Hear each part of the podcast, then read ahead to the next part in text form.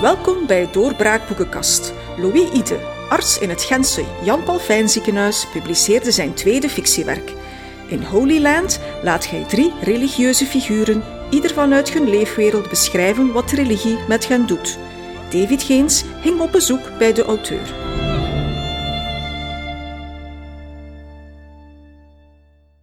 Beste luisteraars, welkom bij een nieuwe boekenkast. Ik ben uw gastheer David Geens en mijn gast vandaag is Louis Ide. Hij is uh, dokter, maar daarnaast ook auteur van reeds van verschillende non-fictiewerken, maar een tijdje geleden overgeschakeld ook op fictie en heeft nu een nieuw fictieboek uit, Holy Land. Uh, welkom, dokter Ide. Hallo, goedemiddag. Goedemiddag. Holy Land, dat klinkt wel echt uh, heel speciaal. Waar slaat de titel eigenlijk op? Wel, vanzelfsprekend slaat de titel op uh, een stuk in het boek.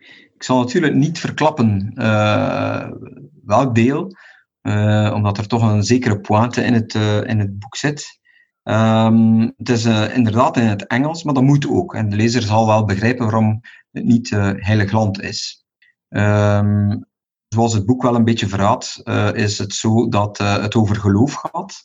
Um, en um, ja, dat kan je ook zien aan de cover. Hè. Uh, de cover is trouwens gemaakt door een, een, een jonge meneer die uit het Midden-Oosten komt.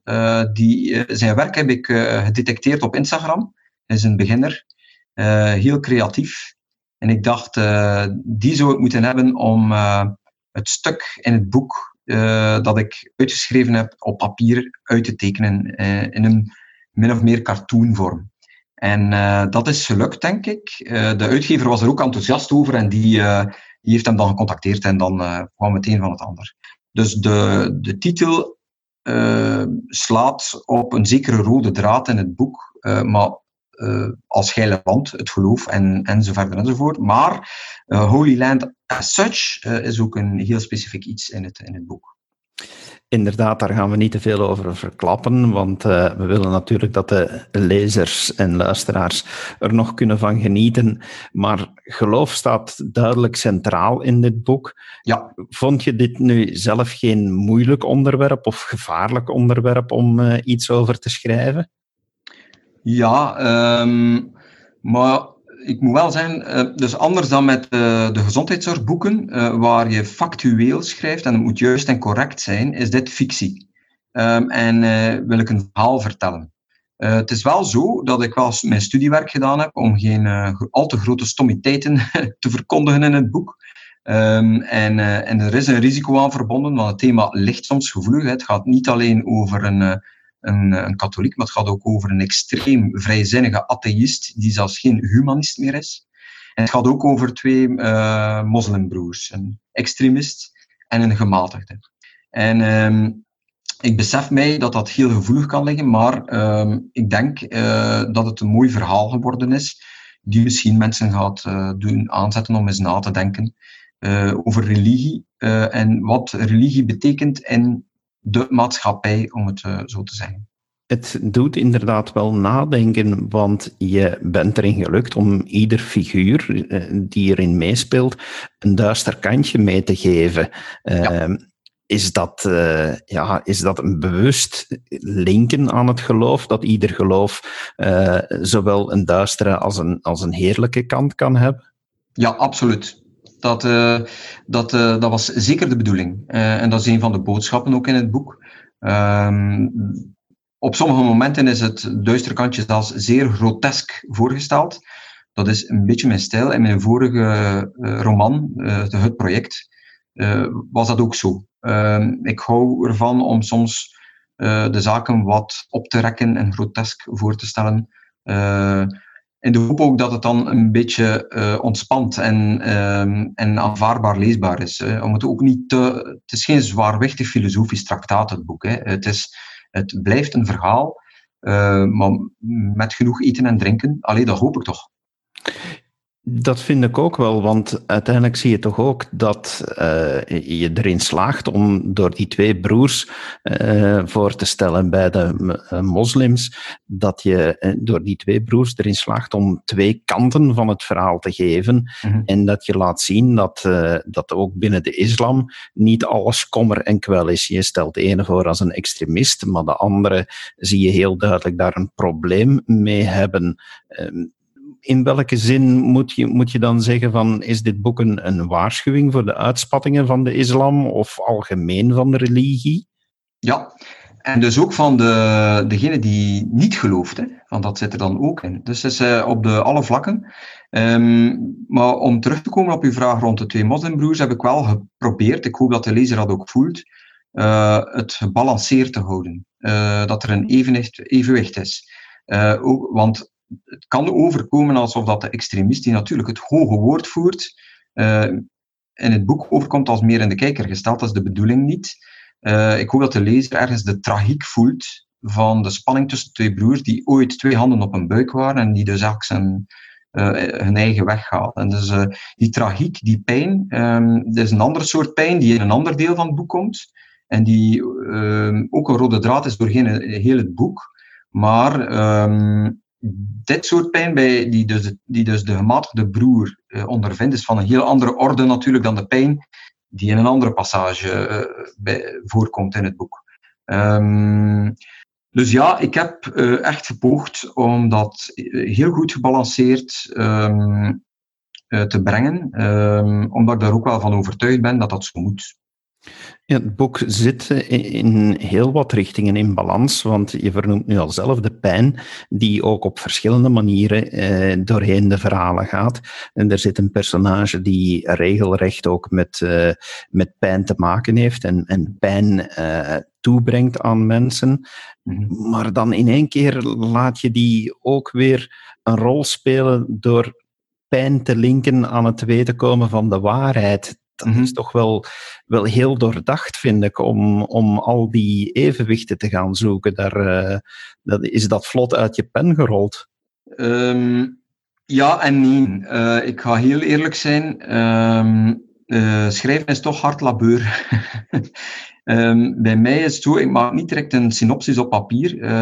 bij mij groeit een verhaal organisch in mijn hoofd met veel losse gedachten die ik uh, altijd bijhoud en dan probeer ik uh, daar een constructie van te maken in mijn hoofd.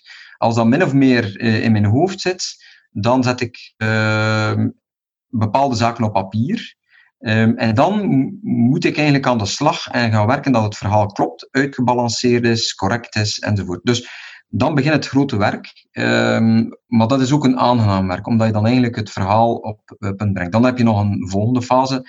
Dat is de heel de, ja, om het een beetje plat te zeggen, redactionele fase. De, de, de, woorden juist kiezen, de woorden juist zetten. Uh, de zinsconstructies, uh, woorden schrappen, uh, zinnen schrappen. Ehm, en ik moet zeggen dat, ja, dan heb ik ook wel wat hulp van mijn echtgenote. Die, dat is mijn grootste criticus. Die, die zegt, waarom schrijf je dan nu? En dan staan er wel wat uitroeptekens in het rood naast bepaalde zinnen of woorden.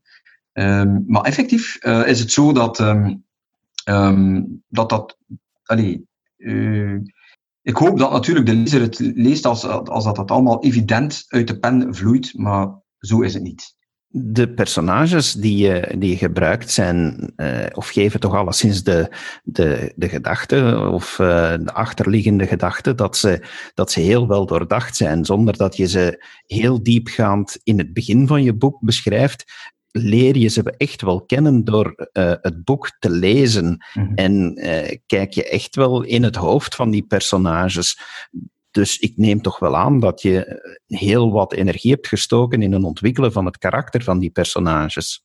Absoluut. En ook, um, ik kan ook verklappen dat uh, sommige dingen um, deels autobiografisch zijn. Uh, bijvoorbeeld de passage in Sudan is, heb ik dus aan de lijve ondervonden, maar is ook maar drie kwart ja, autobiografisch. Ik, ik klap er dan van allerlei dingen bij, waardoor dat de constructie opnieuw fictie is. Uh, andere zaken heb ik gewoon uh, diep moeten gaan graven. Uh, ik was in Sudan, maar ik was nooit in Beirut, waar ook een deel van het boek zich afspeelt. Daar en, en, en, en in Syrië. En daar heb ik echt moeten op zoek gaan ehm, rond een aantal gegevens. Ehm, om één iets te zeggen. Dus Assad komt erin voor, hè, dat heb je gelezen. Wel nu, om de, min of meer de persoon van Assad te leren kennen, heb ik toch echt diep, diep moeten graven in een aantal documentaires van BBC ook in bepaalde kranten. Um, en ik kan wel zeggen dat vele feiten um, van rond de personen rond Assad wel kloppen ook. Hè. Bijvoorbeeld, Assad was een arts, hij was een oftalmoloog. Dat is een feit. Hij heeft gewerkt in, in Londen, in die bewuste kliniek. Dus is eigenlijk mijn, en dat was ook wel mijn eerste boek zo, mijn eerste roman, probeer ik met feiten ook wel een verhaal te reconstrueren zodanig dat het een verhaal is en dus weer fictie. En dat vergt zeer veel opzoekingswerk. Ik ben bijvoorbeeld geen eh, islamoloog. Um, en dus uh, om mij te verdiepen in, um, in wat er omgaat in de islam, heb ik toch heel wat studiewerk moeten verrichten. Ja, klopt. Heel bijzonder in het boek is ook eigenlijk het, het voorwoord, de inleiding. Um, maar je blijft daar eigenlijk vaag over, want die is min of meer in de ik-vorm geschreven. Slaat die echt op jezelf? Of uh, ja, moet, moeten we dat op een of andere mysterieuze manier eh, zelf interpreteren? Veel zijn geneigd dat te denken in andere boeken ook, maar dat klopt niet. Dus het is effectief een verhaal. natuurlijk, een auteur steekt altijd iets van zichzelf in het boek. Um, bijvoorbeeld de passage, zoals ik zei, in Sudan uh, loopt voor drie kwart wel met wat ik heb meegemaakt. En heeft dus geïnspireerd tot het uh, schrijven van dat stukje verhaal. Maar andere dingen kloppen totaal niet. Um, maar het is niet slecht dat, um, dat men dat denkt. In de zin dan, ja, denk ik, is er een zekere betrokkenheid van de lezer naar het boek toe. Dus ja, nee, eigenlijk niet. Hoe sta je zelf eigenlijk tegenover geloof? Want ja, als je zo'n boek schrijft, dan, dan moet dat toch wel een materie zijn die jou enorm bezighoudt. Ja, absoluut. Um, en dat is ook een beetje de rode draad, nog een rode draad in het boek. Dat is dat mensen wel uh, de dag van vandaag op zoek zijn naar houvast. Uh, in de westerse wereld uh, ja, is geloof bijna een niche-aangelegenheid geworden. Um, in de moslimwereld is dat iets anders. Hè. Dat is vaak nog een enige houvast, zoals ik het ook uh, ergens schrijf in het boek. Um, en dat boeit mij wel, uh, omdat ik ervan overtuigd ben, daar waar er geen houvast meer is, is het moeilijk uh, voor mensen om, om een zin van een bestaan te ontwikkelen. Hè. wat lopen we hier in godsnaam te doen op deze wereld? Aan wat spiegelen we ons? en, en, en aan wat trekken we ons op? Wat is de houvast? En um, dat is dus uh, iets typisch die moeilijk geworden is in onze westerse wereld, omdat het uh, niet meer voorkomt. Wat betreft mezelf zou ik zeggen dat ik mij uh, situeer tussen Einstein en Gödel. Niet qua kennis hoor, maar qua de geloofskwestie. En de lezer zal wel lezen wat dat, dat wil zeggen. Denk je dat dan, want dat haal je eigenlijk ook wel aan in je boek, dat geloof en wetenschap, dat je die naast elkaar kan laten bestaan? Ah, eigenlijk doe ik daar geen uitspraak over, maar ik, ik voer natuurlijk wel een wetenschapper op, een gro heel grote wetenschapper, uh, die daar ook mee geconfronteerd was, hè, dus met geloof en wetenschap. Um, en hoe dat het geloof zelfs op een bepaald moment uh, de wetenschap probeerde te gebruiken om, om God uit te leggen. Um, ik, ik vind dat bijzonder boeiend. Um, maar als ik daar te diep op doorga, dan verklap ik eigenlijk een beetje te veel. De lezer moet dat allemaal maar ontdekken. Dat is ook wel waar, maar uh, ja, het is toch wel, wel heel bijzonder dat iemand dat, uh, dat probeert nog uh, aan te raken op dit moment. En vooral dit boek verschijnt nu na, na de coronacrisis.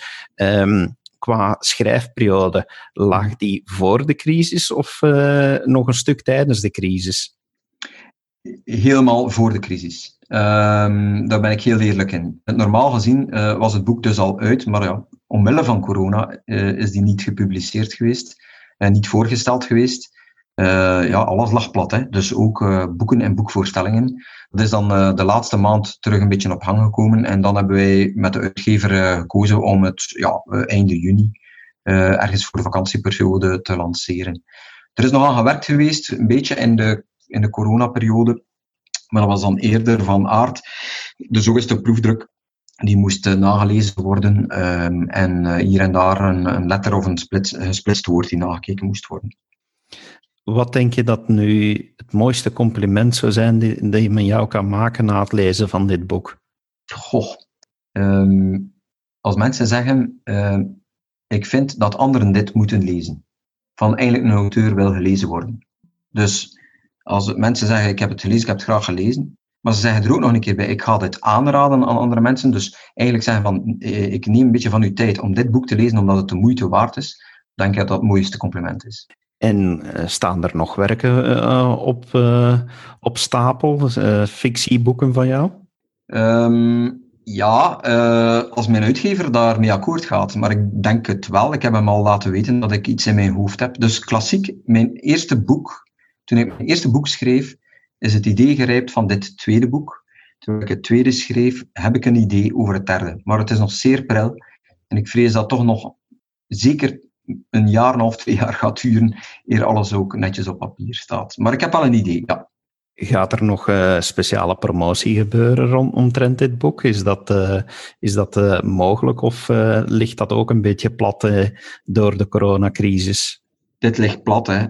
dus er komt geen boekvoorstelling. Ehm, we gaan op sociale media proberen wat publiciteit rond te maken. Um, het is zo dat, uh, dat ik wel plan als het de tijd weer rijp is om uh, lezingen te doen, als mensen daar geïnteresseerd in zijn, over het boek, eventueel in combinatie met het eerste boek. Uh, dat, dat wel. Um, en we zullen zien waar dat toe leidt. Maar voorlopig nergens de mogelijkheid om het boek te laten signeren. Dit kan wel. als men het bestelt via bij mij of bij de uitgever, kan ik er wel voor zorgen dat ze gesigneerd geraken. Dat is op zich geen zo'n probleem. Um, ofwel moeten mensen wachten en dan tot het op een bepaald moment ergens een lezing is. Ik verwacht wel september of zo, als corona ingedrukt blijft, dat er wel wat lezingen zullen volgen. En mensen kunnen het ook kopen en dan met het boek na twee maanden nog eens langskomen. dan signeer ik het wel. Geen probleem. Dokter Ide, ik ga u alleszins het compliment al geven. Ik heb het boek gelezen en uh, bij deze wil ik aan al onze luisteraars van de uh, Doorbraak Boekenkast zeggen dat Holy Land echt wel een aanrader is. Uh, uitgegeven door Witzand Uitgevers. Het is 128 bladzijden dik of dun. Dat is uh, naar gelang je zelf uh, wil aangeven. Maar uh, het leest inderdaad heel vlot, als ik het zelf mag zeggen. dat is toch wel, wel bijzonder voor, voor zulk thema. Ehm, en ja, ik weet niet welke commentaren dat u nu in eerste hand al, al hebt, hebt gekregen hierover. Um ja, uh, ik heb toch wel wat positieve commentaar gehad van uh, Rick Tors en Siegfried Brakke. En ik vond het eigenlijk wel leuk. Um, ik heb hen uh, het boek in pdf-vorm bezorgd en gevraagd om het even te lezen. En ik vond het wel leuk om aan hen twee dat te vragen, omdat zij mijn eerste boek hebben ingeleid tijdens de fysieke boekvoorstelling van mijn eerste boek. En ik vind zelfs dat dit boek nog meer bij de twee past. en ze kennen elkaar ook. en elk vanuit zijn eigen invalshoek vonden ze het zeker de moeite waard. Een boek die over God, geloof en ongeloof gaat, uh, vonden ze zeer de moeite waard. Ja. En dat was wel een uh, opsteker. Het is de moeite waard. Beste luisteraar, zoals ik al zei, uitgegeven bij Witsand Uitgevers, uh, ook te verkrijgen in de doorbraak uh, online boekhandel. Zeker een aanrader, geschreven door Louis Ide. Meneer Ide, dank u wel voor uh, de toelichting en het gesprek hier. Graag gedaan. En u, beste luisteraar, geniet van Holy Land en laat ons weten wat u ervan vond. Graag tot een volgende boekenkast. Dag. Dit was een interview met Louis Ide over zijn nieuwste boek Holy Land, uitgegeven bij Witsand Uitgevers. U kan dit boek kopen via onze online boekhandel op winkel.doorbraak.be. Productie van deze podcast was in handen van David Geens voor doorbraak.be.